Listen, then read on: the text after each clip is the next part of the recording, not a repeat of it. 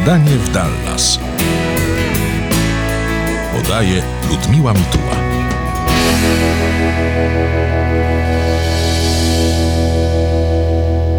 W śniadaniu w Dallas witamy Londyn. Piotr Surmaczyński ze swojego centrum dowodzenia. Dzień dobry. Good afternoon. Good afternoon. U mnie jest dopiero śniadanko, tak jak w tytule w nazwie, a u ciebie po południu, tak?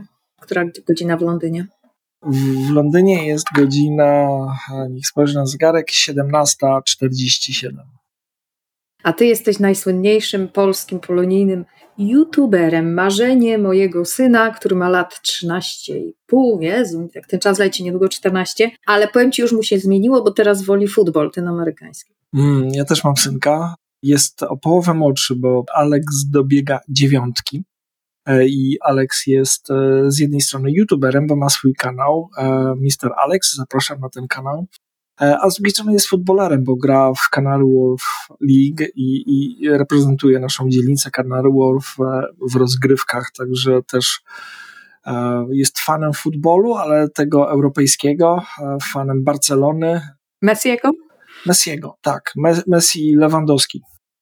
No tak, oczywiście, no jak może być inaczej. No tak, to jest ten właściwy futbol, który w Stanach się nazywa soccer. Nie można tego mm, mylić. Mój syn e, wręcz walczy, nie tylko, e, wiesz, stopami piłką, to jest straszne i nadal nie rozumiem za bardzo e, zasad gry, no ale jak biją brawo i krzyczą Konrad, oni tak Conor czasami mówią, ale to chodzi o mojego Konrada, więc się cieszę jako matka, bo to dobrze, że młodzież interesuje się sportem, prawda? I YouTube'em. Na, na, na, mojego krzyczą czasem Lewandowski, bo znaczy wołają e, czasem Lewandowski, bo jest jedynym e, Polakiem i to jest jedyne, co im się kojarzy z Polską. No ale coś dobrego się kojarzy, nie? To pozytywne no tak, emocje. Tak bo mam z kolei też córkę, która jest fascynatką muzyki i e, ona z kolei przyniosła do mnie takiego newsa, który mnie po prostu powalił. E, ona mówi, że e, jej koleżanki z klasy, które nie mają nic wspólnego z Polską, słuchają dwóch polskich wykonawców i nigdy nie zgadniesz kogo. Słuchają Matę, tego Proszę. rapera i słuchają Zenka Martyniuka. Który jest, słuchaj, najbardziej popularny podobno w Albanii. Tak. Nie wiem dlaczego, ale chyba polscy turyści przywieźli go na Rivierę Albańską.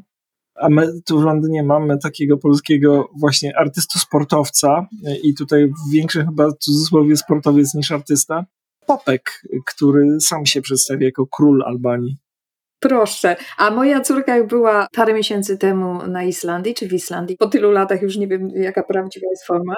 W każdym razie Islandia znajduje się na Islandii, więc podejrzewam. Dobra. To wiesz, co leciało na lotnisku? Doda. Mm. I córka tłumaczyła e, słowa piosenki swoim amerykańskim koleżankom. Także niesamowita historia. Kto by pomyślał, nie? Jak się nasza polska muzyka niesie w świecie. No dobra, jak to się stało, że zostałeś youtuberem? No to jest zawód, o którym wiele osób marzy. No dzięki Chińczykom. Jak długo y, myślałeś nad tym, żeby być youtuberem? W ogóle o tym nie myślałem. To znaczy, nie wiem, czy pamiętacie jeszcze, ale w 2019 roku wybuchła pandemia. No i pierwszy początek tej pandemii był taki, że no fajnie, płacą za siedzenie w domu, no to siedzimy w domu i po prostu staramy się jak najbardziej siedzieć w domu. I wtedy zacząłem oglądać YouTube'a i trafiłem na taki program o whisky. O! Nie będę drążyć tematu. No nie, bo to, to w każdym odcinku pan opowiadał o innym gatunku whisky. Ja chodziłem do sklepów, bo do sklepów wolno nam było chodzić i kupowałem to whisky, próbowałem jej, czy mówi prawdę, czy nieprawdę. A później Ola Kapsa z Nowego Jorku miała takie radio, nasze radio USA i zaproponowała mi współpracę. Robiłem czwartki audycje. Te audycje tak sobie szły w eter i już nie zostawały nigdzie, więc postanowiłem to w jakiś sposób zapisywać i robiłem takie podcasty jakby na YouTube'a, no ale później pomyślałem sobie, że może warto z kamerą i robiłem z komórką. No i tak gdzieś od 21 roku zacząłem to traktować poważnie, to znaczy wyszedłem y, sprzed kamery w domu, wyszedłem na ulicę, próbowałem robić jakieś programy o Londynie. No i tak się to zaczęło. Nagle zaczęło przybywać subskrybentów, zrobiła się taka mała społeczność, zacząłem kojarzyć ludzi. Mam wśród youtuberów na przykład Jezusa, Chrystusa. Proszę. W ogóle nie wiem, kto to jest, ale to jest bardzo mądry i sympatyczny człowiek. No to co, chcesz powiedzieć, że, że twoje na żywo z Londynu, tak? Na żywo z Londynu? Tak. Wzięło się z nudy troszeczkę covidowej? Z nudy, tak, zdecydowanie z nudy, z tego, żeby jakby tak eksplorować, co tu jeszcze można robić. Jak już skończyliśmy wszystkie rodzaje whisky, no to sami postanowiliśmy z żoną y, zrobić jakiś kanał na YouTubie, bo to, już chcę podkreślić, że nic nie byłoby z tego YouTube'a, gdyby nie żona, która produkuje programy i która jest taką pierwszą recenzentką i często też występuje w nich. Zrobiłem kilka takich, e, że tak powiem, formatów, to może za duże słowo, ale zacząłem eksplorować emigrację polską e, w Londynie pod tytułem Nasza emigracja. Rozmawiałem z różnymi ludźmi. Pamiętam, pierwsza była taka pisarka polska, Ada Johnson, która mieszka tak gdzieś godzinę na północ od Londynu, w bok od Londynu. I mhm. później po prostu poznałem bardzo dużo ludzi. Później, jak zaczęliśmy wyjeżdżać znowu, bo otworzyły się granice, to naszą emigrację rozszerzyliśmy o ludzi z Hiszpanii, z Irlandii, z różnych najdziwniejszych miejsc. Jest z Dallas? Z Dallas jeszcze nie, ale tutaj taką Ludmiłę mamy na celowniku. No, trzeba się upomnieć, proszę Państwa, bo bo to dziki zachód. Najbardziej była taka oryginalna pani, która mieszka w Tangerze. Pani Justyna, zresztą pozdrawiamy Justynę i e, ona ma takie polsko-marokańskie małżeństwo i było świetna rozmowa, zresztą fajnie się tutaj slangowo powiem klikało, czyli było dużo odsłon, dużo komentarzy. Bo lubisz jak jest dużo klikania oczywiście, bo to to robimy, nie? To jest super, tak to jest taka prawdziwa zapłata za YouTube, nie? Bo to z AdSense, czyli z tych reklam, które ci się wyświetla, to na orzeszki zarabiasz, no a tak naprawdę. Albo waciki. No, na waciki. Wśród kobiet mówimy sobie nadal na waciki. No nie, no oczywiście można, ale czytałem o rozwoju tych kanałów i trzeba się po prostu podporządkować pod publiczność i jeżeli po prostu spełnisz pewne kryteria, to ten e, kanał można rozwijać. Natomiast ja doszedłem do wniosku, że ten kanał będzie mniej komercyjny, bardziej indywidualny, że to będzie jakby moje narzędzie do kontaktu ze światem, e, a nie sposób na zarabianie pieniędzy, no, oczywiście najlepsi zarabiają e, miliony dolarów, tysiące dolarów, takie grupy jak Ekipa w Polsce, czy kilku youtuberów na zachodzie, natomiast oni po prostu koncentrują się na tym. Ja mam jeszcze pracę zawodową, rodzinę, staram się pisać książki, więc e, traktuję e, YouTube jako część życia, a nie całe moje życie. Ale pięknie, co powiedziałaś o swojej żonie, bo ja bardzo lubię mężczyzn, którzy kochają kobiety, w tym sensie wspierają je i mówią dobre rzeczy o swoich żonach, partnerkach, czy w ogóle o kobietach. Także dzięki za to no to sparafrazuję Lindę, bo to dobra kobieta była. Co tylko pytanie, co dobra znaczy. Znaczy, Linda w oryginale powiedział, bo to zła kobieta była. A ja mam akurat odwrotnie. No, dobra, właśnie. Ja o współpracy tutaj rodzinnej raczej mogę sobie tylko pomarzyć, ale do tego, że, że właściwie ten wasz YouTube i to, co robicie i to wasze wydawnictwo, to właściwie praca całego zespołu, którym jest rodzina, to bardzo fajna sprawa, ale wrócimy do tego. Najpierw chcę zapytać trochę o ten Londyn, no bo masz takie centrum dowodzenia u siebie, tak? Gdzie mieszkasz? Mówisz, no. że mieszkasz e, w sercu finansowym świata, no ale to chyba zaraz po Wall Street, nie? Wiesz co, to trudno powiedzieć. To znaczy, ja myślę, że dużo łatwiej uprać ruskie pieniądze w Londynie niż w Stanach Zjednoczonych, może ze względu na wojnę. Mieszkamy na Canary Wharf, to jest e, niby wschodni Londyn, ale jakby zaliczamy do centralnego Londynu. Są tutaj jak siedziby największych banków, trustów. Y, tam mamy za oknami wieżowce, w których nigdy nie gasną. Nie, gasną w dzień światło, ale w nocy po prostu co noc y, tam ludzie pracują, bo gdzieś tam jest wysyłany jakiś pieniądz, udzielany kredyt, ktoś przelewa coś tam. Pracują ze Stanami na przykład. O, z Hongkongiem, może po prostu świat ma kilka serc finansowych. No, drugie serce na pewno jest w City, które jest od nas, nie wiem, dwie mile może. A Canary Wharf wchodzi w skład takiej dzielnicy, która się nazywa Tower Hamlets, która graniczy z City.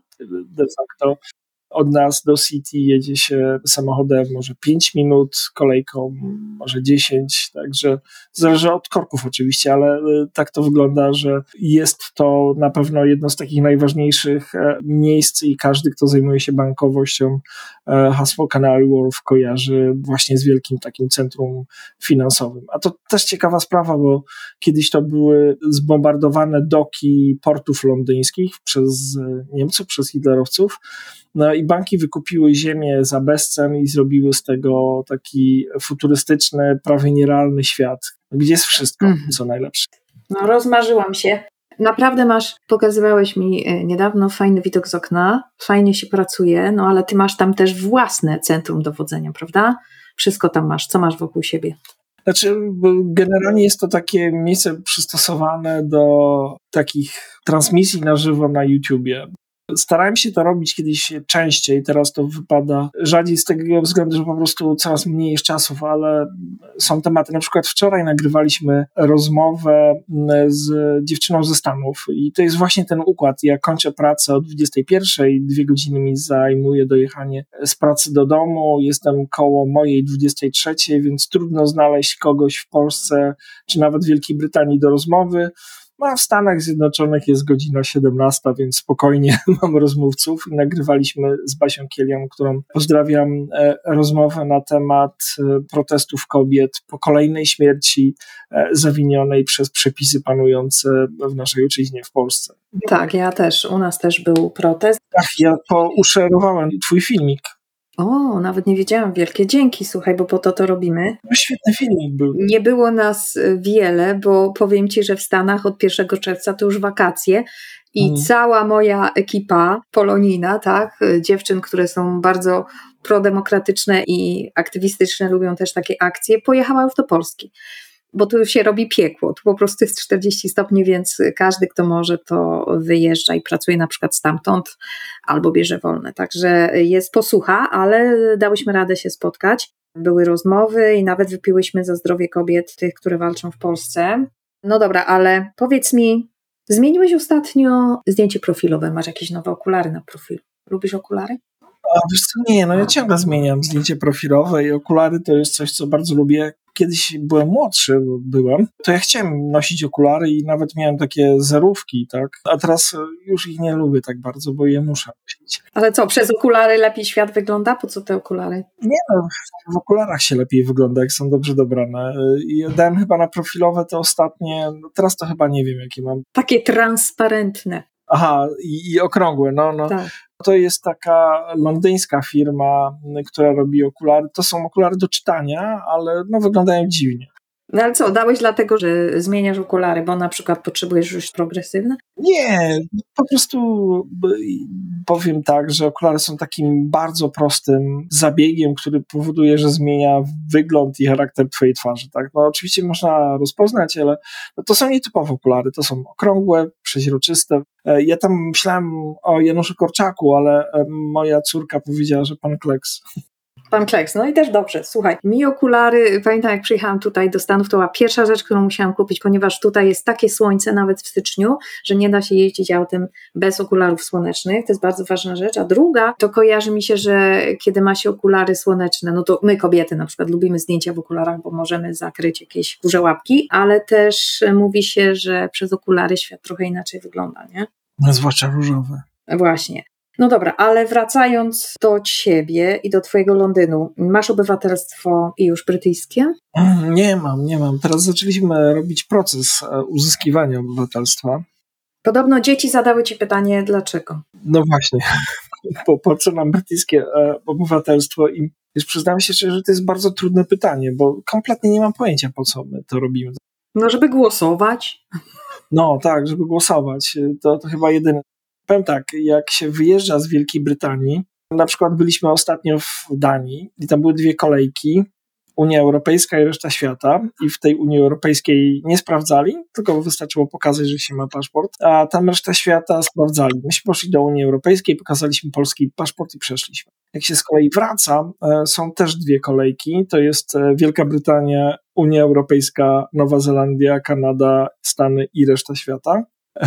I wtedy też na polski paszport można przejść szybciej. Niestety myśmy wybrali e, przejście dla rodzin z dziećmi i okazało się, że było strasznie dużo rodzin z dziećmi, a była jakaś późna pora i e, no właśnie po Brexicie przekraczanie granic jest jakimś koszmarem, bo, bo czekaliśmy dwie godziny, żeby wejść do kraju. No to po co wam było wychodzić z tej Unii? Ja nie wychodziłem, to znaczy problem trochę jest w tym, że ekspaci, do których ja się zaliczam, czyli mieszkańcy Wielkiej Brytanii bez obywatelstwa, którzy przyjechali tutaj do pracy, a nie migrowali czy uciekali, nie, nie jesteśmy uchodźcami w żadnej mierze, wyjeżdżaliśmy jeszcze za czasów, kiedy PiS nie rządził. Także wygląda to tak, że jedyna różnica, nie, nie mieliśmy prawa do głosowania, czy chcemy pozostać w Europie, ale oczywiście byłem bardzo aktywny, należałem dalej należy do takiego stowarzyszenia 3 miliony, The 3 Million. E, to jest e, takie stowarzyszenie ekspatów e, z 27 krajów Unii Europejskiej, plus Brytyjczyków, którzy mieszkają w Unii Europejskiej. I ten Brexit jest dużym problemem dla nas wszystkich. Przyznam się szczerze, że nasz rząd, znaczy mówię o rządzie brytyjskim, ekspatów z Unii Europejskiej potraktował lepiej niż niektóre rządy krajów Unii Europejskiej Brytyjczyków nasz rząd jest bardzo solidny. Rząd brytyjski, jak coś powie, to. To to zrobi. Raczej dotrzymuje. No i y, pod tym względem fajnie się żyje w Wielkiej Brytanii, ale na przykład wiesz, ekspatów Europejczyków w Wielkiej Brytanii jest około 3 miliony, z czego milion to Polacy. Jesteś jedynakiem ściągnąłem mamę do Wielkiej Brytanii z kilku względów. Po, po, pierwsze, żebyśmy byli bliżej siebie. Mama nam bardzo też pomaga w opiece nad dziećmi, ale też my możemy się bardziej sobą zajmować, to znaczy zajmować też mamą i pomagać. Poza takimi jakby życiowymi rzeczami, że to, co rząd pisowski e, emerytom obiecuje, to emeryci Wielkiej Brytanii mają już od dawna i jest to pewne i zapewnione, czyli bezpłatne leki, dostęp do służby zdrowia i takie inne rzeczy. Czasami zazdroszczę zazdroszczę Wam, że macie tą publiczną służbę zdrowia, bo ja tutaj to widzę po rachunkach, ile płacę za proste badanie krwi. Było walczyć o niepodległość? No dobra, ale przejdźmy do Twojego zawodu, pracy, bo tu jest jeszcze na tym e, polu e, bardzo ciekawe historie, bo Ty tak naprawdę to jesteś człowiekiem teatru, reżyserii, sztuki. Skończyłeś lalkarstwo. Tak, skończyłem, znaczy nie tylko, bo skończyłem jeszcze filozofię polityki i public relation, ale e, mój pierwszy kierunek to rzeczywiście wyższy, to była szkoła teatralna w Białymstoku, lalkarstwo. Zrobiłem pięć spektakli i doszedłem do wniosku, że nie wyżyję z garzy polskiego artysty, lalkarza. E, to było za mało pieniędzy i zacząłem się po prostu zajmować innymi rzeczami, żeby jak, jako tako się utrzymać. E, lalkarze w Wielkiej Brytanii mają jeszcze gorzej, więc jakby jest to w dalszym ciągu jakaś ta moja fascynacja, no ale, ale, ale nie potrafię z tego wyżyć. Natomiast to też była fajna szkoła, bo mieliśmy świetnych wykładowców, fajna szkoła uczenia się, umiejętności uczenia się, literatury, historii, mm -hmm. patrzenia na świat i, i świetna trampolina do kolejnych kierunków. Tak, przyznam się, że zawsze też byłam zafascynowana takimi kierunkami, marzyłam o łódzkiej filmówce, no jak, jak się skończyło to widzisz, na Dzikim Zachodzie, ale y, nigdy nie myślałam o lalkarstwie. Dlaczego lalki? Dlaczego poruszanie pacjenkami, kukiełkami? A, to nie tak, bo wiesz, ja z kolei wyrosłem z takiej atmosfery teatru alternatywnego, jestem z Opola, tam był Grotowski, Teatr 13 Rzędów, to były takie nadmarionety, Craig, Bread and Puppet i tego typu rzeczy. To, to miało być takie lalkarstwo, wiesz, jakby to porównać w Polsce do teatru Wierszalin, a nie do teatru, nie wiem, lalkarskiego w Łomży. Także, który zresztą bardzo lubię, pracowałem tam przez jakiś czas. Czy to czasem nawet nie jest trudniejsze niż po prostu granie sobą? Mm. Swoją twarzą, ciałem, głosem? Nie, to jest zdecydowanie łatwiejsze. Natomiast ja reżyserię studiowałem. Natomiast wiesz co, ja ci powiem tak, że wczoraj w Wyborczy był taki tekst Krystiana Lupy, który wszedł w konflikt z artystami w Szwajcarii e, w teatrze, gdzie robił sztukę za 4 miliony euro, czy franków szwajcarskich, nie wiem jaki jest tam kurs. Kurs taki jak dolara, mniej więcej. W każdym razie było tak, że pokłócił się z technikami sceny. Związki zawodowe doprowadziły do zerwania pracy i całą polską ekipę, że tak powiem, wywalili ze Szwajcarii. Umaczając, e, powiem kolokwialnie, 4 miliony w ich walucie, w tych franków szwajcarskich stać ich na to. E, natomiast problem polegał na tym, że pan Krystian Lupa powiedział słowo na K i, i w ogóle mm, komuś nie odpowiedział dzień dobry i tego typu rzeczy. A on mówi, że po prostu był skupiony i no, no, w ogóle zrobiła się afera trochę. Tak to wygląda. Nie, nie brnijmy w to. Nie brnijmy w to, tak, bo się zrobi jeszcze niebezpiecznie. A ja chciałam pogadać też o tej twojej firmie, bo ty prowadzisz właściwie z żoną Moniką y, i z dziećmi, synem i córką, taką rodzinną firmę. To jest też wydawnictwo, nie tylko ten wasz YouTube, ale też wydawnictwo wydaje ci po prostu książki. No tak. A ty sam piszesz też książki. To zacznijmy od nazwy. Firma nazywa się Meridian, Meridian Publishing e, albo Publishing. Mhm. Przez jakiś czas mieszkałem na północy Anglii. Tam jest na przykład thank you very much się mówi, tak? Ja wolę ten akcent z południa, ten taki z hrabstwa Dorset na przykład, nie? bo to podobno jest najlepszy akcent. Ja mam akcent ze wschodu, bo nawet po, po 17 latach tutaj mieszkania i nie ze wschodu Anglii, tylko ze wschodu Europy. Ale wracając do tego, no, mieszkamy w takim miejscu, gdzie zaczyna się czas, bo mamy ten południk zerowy, Greenwich, e, Meridian, i wszystko na zachód od nas to jest e, plus jeden, zdaje się, a wszystko na wschód od nas jest minus jeden. Czyli kiedy u nas jest dwunasta, u was jest e, wcześniej, w Polsce jest później. Tak, że mieszkamy w centrum czasu. Centrum czasu, dobre. Ty jesteś, masz centrum dowodzenia w centrum czasu. Nie, nie, wiesz, jak czasami wyjdziesz wieczorem do Greenwich Parku, który jest tam kilka minut od nas i tam jest obserwatorium, gdzie Iza Isaac Newton miał jabłoń, na które spadło mu jabłko na głowę i wtedy doszedł do wniosku, że jednak grawitacja istnieje. I tam właśnie jest ten granic, ten meridian, jest taka kaseczka, ale też w nocy wypuszczają laser, E, taki niebieski, który rzeczywiście dzieli świat na wschód i zachód. No i my mieszkamy mniej więcej po środku i doszliśmy do wniosku, że nasz Meridian, nasza firma będzie łączyć wschód z zachodem, e, odwrotnie mhm. od południka, który dzieli świat na wschód i zachód i e, no, wydajemy książki autorów, którzy piszą tak ostro, że na przykład Polsce by nie mogli wydać swoich książek. Wydawaliśmy takiego działacza, Kijowski się nazywał, on tam później jakieś afery miał, no ale wydał u nas książkę, zresztą pomagałem mu ją napisać. Wydaliśmy pułkownika Adama Mazgułę, to cała fajna historia, znaczy fajna, dla niego nie fajna, ale generalnie fajna do opowiadania.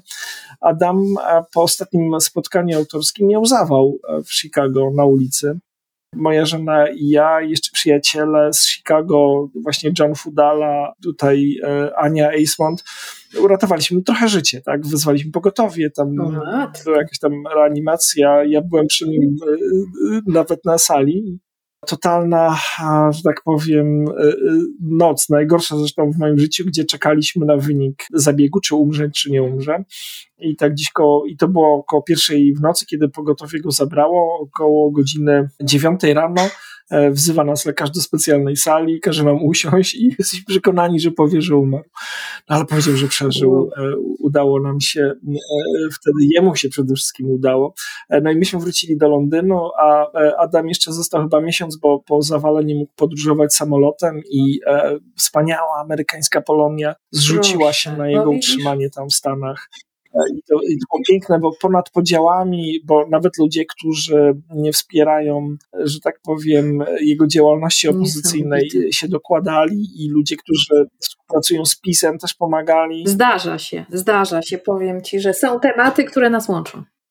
A wiesz co, taka ciekawa historyjka. Po pierwsze, Adam Mazguła był pułkownikiem w Iraku w trakcie wojny, więc um, od razu szpital zaproponował mu ochronę że jak chce jakichś ludzi, a później poprzemieniali dyżury, tak żeby zawsze na jego dyżurze była pielęgniarka, Proszę. która mówi po polsku. Wspaniałe, także potraktowali go z pełnymi horrorami. No ale wszystko dobrze się skończyło, to na, najpiękniejsza sprawa. Ale ty masz też swój taki e, realny bardziej zawód, taki no wiesz, przyziemny, nie wiem czy można tak powiedzieć, bo to wszystko co robisz, no to jest taki rodzaj misji, prawda, i takiego aktywizmu trochę, ale ty jesteś też terapeutą zajęciowym, pracujesz z dziećmi, z dorosłymi, obecnie e, z dziećmi ze spektrum autyzmu, tak? No tak, znaczy lubię to, bo ja to postrzegam tak, że w każdym wypadku są to osoby, które mają po prostu, żyją trochę w innym kosmosie niż ludzie uważani e, za normalnych. Ale co to jest normalność, nie? To jest moje też ulubione pytanie. No, to też nienormalność może być też w górę, może być ktoś bardziej inteligentny niż inni też już jest nienormalny. I też nie jest normalny, nie? No Albo bardziej bogaty, no i tak to wygląda. Terapia zajęciowa to nie jest taka typowa terapia. To generalnie terapeuta zajęciowy ma taki cel, żeby utrzymać w dobrym stanie psychicznym swoich w cudzysłowie pacjentów i zapewnianie im e, takiego poziomu, powiedzmy, rozrywki, ale który jest akceptowalny dla nich. Powiedzmy, pomoc w mhm. asesowaniu ich potrzeb. Tym się zajmuję i tak jak mówiłem, no, bardzo fajnych ludzi poznałem. Kiedyś pracowałem z facetem w takim programie dla młodych kryminalistów, takim, którzy dostali karę, próbę z różnych rzeczy. I miałem takiego gościa, który sam o sobie mówi, że jest najgłupszym przestępcą na Wyspach Brytyjskich, e, ponieważ kiedyś e, pod wpływem narkotyków wziął broń palną i poszedł obrabować e, KFC, restaurację. No właśnie, wszedł do KFC, przestawił, wyciągnął pistolet i zażądał dużego kubełka z kurczakami. Z kurczakami. Tak to wygląda. Jak na filmie. Ale wiesz, to jest tak, że czasami patrzymy z perspektywy i to wydaje mi się nam głupie, ale jak stoimy przed czymś i jakby, nie wiem, jesteśmy pod wpływem narkotyków, alkoholu, e, wzburzenia, kłótni z narzeczonym, narzeczoną, no to po prostu nasza percepcja jest inna.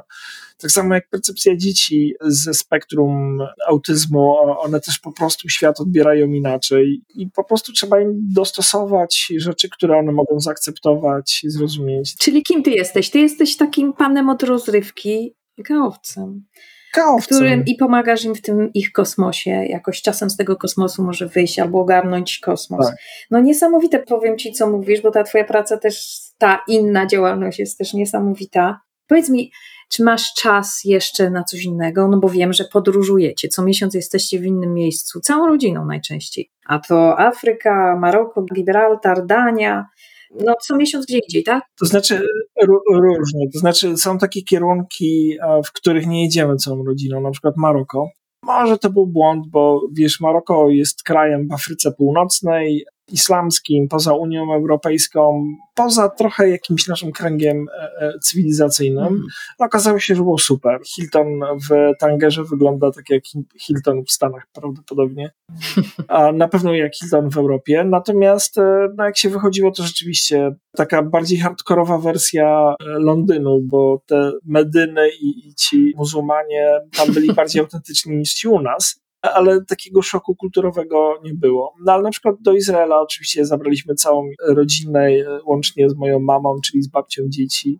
I jeszcze sąsiadka z nami pojechała. Proszę, no mamma mia, to wy macie tam tworzyć jakąś y, niesamowitą włoską rodzinę, bym powiedział, jakieś wpływy południowe, widzę. Trochę tak, a wie, wiecie, na przykład naj, największy problem to był taki, było nas sześcioro, a samochód z wypożyczalni to na ogół jest pięcioro. Jeden na dachu był, czy w bagażniku? Nie, nie, wzięliśmy siedmioosobowy samochód, tak, który kosztował powiedzmy dwa razy więcej. Zdarza się.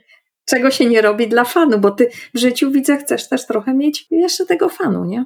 Głównie, to znaczy, wiesz, inwestujemy głównie w atrakcje i emocje. Tak powinno być w życiu, proszę Państwa, nie taka nuda.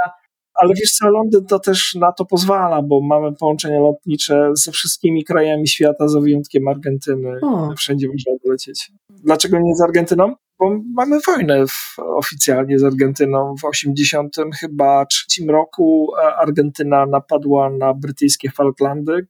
Została spacyfikowana, ale od tamtego czasu raczej się dwa kraje nie lubią. To jeszcze to trwa, no tak. Ale można przez Paryż lecieć. Zawsze można ominąć. Powiedz mi, czego na koniec naszej rozmowy Ci życzyć? Bo znając Ciebie, to tam jeszcze kilka planów jest w kieszeni na najbliższe miesiące. A, właśnie nie, bo teraz siedzimy i zastanawiamy się, co dalej. I tutaj są, tak, na pewno muszę zobaczyć piramidy egipskie, ja których nie, nie widziałem. Wszyscy już chyba widzieli. Tak, no właśnie, wszyscy już byli w Egipcie. Znaczy wiesz, kiedyś wchodziłem z takiego założenia, po co jechać do Egiptu, jak wszystkie najcenniejsze egipskie dzieła sztuki Dokładnie. są w British Museum. Także bardzo też e, zastanawiamy się nad wjazdem do Libanu, ale to też jest, że tak powiem, to nie jest taki kierunek, gdzie można jechać z dziećmi, z babcią.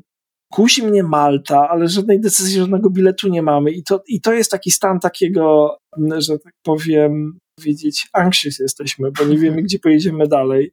Prawdopodobnie będzie to wyjazd do Polski, ale też jeżdżąc do Polski staramy się e, coś tam pozwiedzać. Jak jeździmy samochodem, to albo zatrzymujemy się gdzieś w Belgii, albo gdzieś w Niemczech. Są bardzo piękne, niesamowite rzeczy. Nie wiem, czy wyobrażasz sobie, że jest na przykład w Niemczech most na statki? To znaczy jest tak, że jest most nad doliną, którym płyną statki. Nie, nie tak, że statki płyną pod mostem, tylko mhm. statki płyną na moście. Jest miejsce, my to znamy, mamy to obcykane i tam kiedyś pojedziemy, jadąc do Polski zatrzymamy się I na noc. Tak, skalne miasto w Czechach nas kusi, blisko polskiej granicy, jakieś niesamowite filmiki na YouTubie widzieliśmy. No tak, co tam na YouTubie ciekawego, to też chcecie dotrzeć do tego. Tak jak moja córka patrzy na Instagramie, co tak. się ciekawego dzieje i potem chce tam jechać. No dobra, a powiedz mi, czego ci życzyć? no ja też się nad tym zastanawiałem. Wiesz, dużym, może nie problemem, ale takim dużym zaskoczeniem dla mnie by było, że generalnie często mam poczucie, że mam wszystko, o czym marzyłem. Także wiesz, to pewno fajnie by było, gdybym miał powiedzmy 100 razy więcej subskrybentów, tak? Że było to 3 miliony, a nie 3 tysiące, ale to też nie jest ważne, bo przy tak małej, że tak powiem, społeczności ten kontakt z użytkownikami, z tymi twoimi widzami jest prawie taki przyjacielski. Ja czasem robiąc film zastanawiam się, co pani Wrona o tym powie, albo co pan Jezus o tym Naprawdę? Powie. Zastanawiasz się, co ci twoi tak. followersi, subskrybenci myślą, tak. mówią? I, I to jest właśnie fajne. No a w momencie, kiedy ktoś ma tam nawet już pół miliona, no to już jakby trudno mieć jakieś tam relacje. Ale... To tego ci życzyć jednak? Lepszych relacji z większą grupą osób, ogarnięcia większej ilości? Życz mi, żeby mi się udało utrzymywać taki poziom fanu, satysfakcji, podróży, zadowolenia z życia, jak mam teraz, żeby to nigdy nie spadło. No i tego Ci życzę, żeby ten poziom fanu był zachowany. Tego również sobie życzę i nam wszystkim, proszę Państwa. Naszym gościem był Piotr Surmaczyński z Londynu. Dziękuję.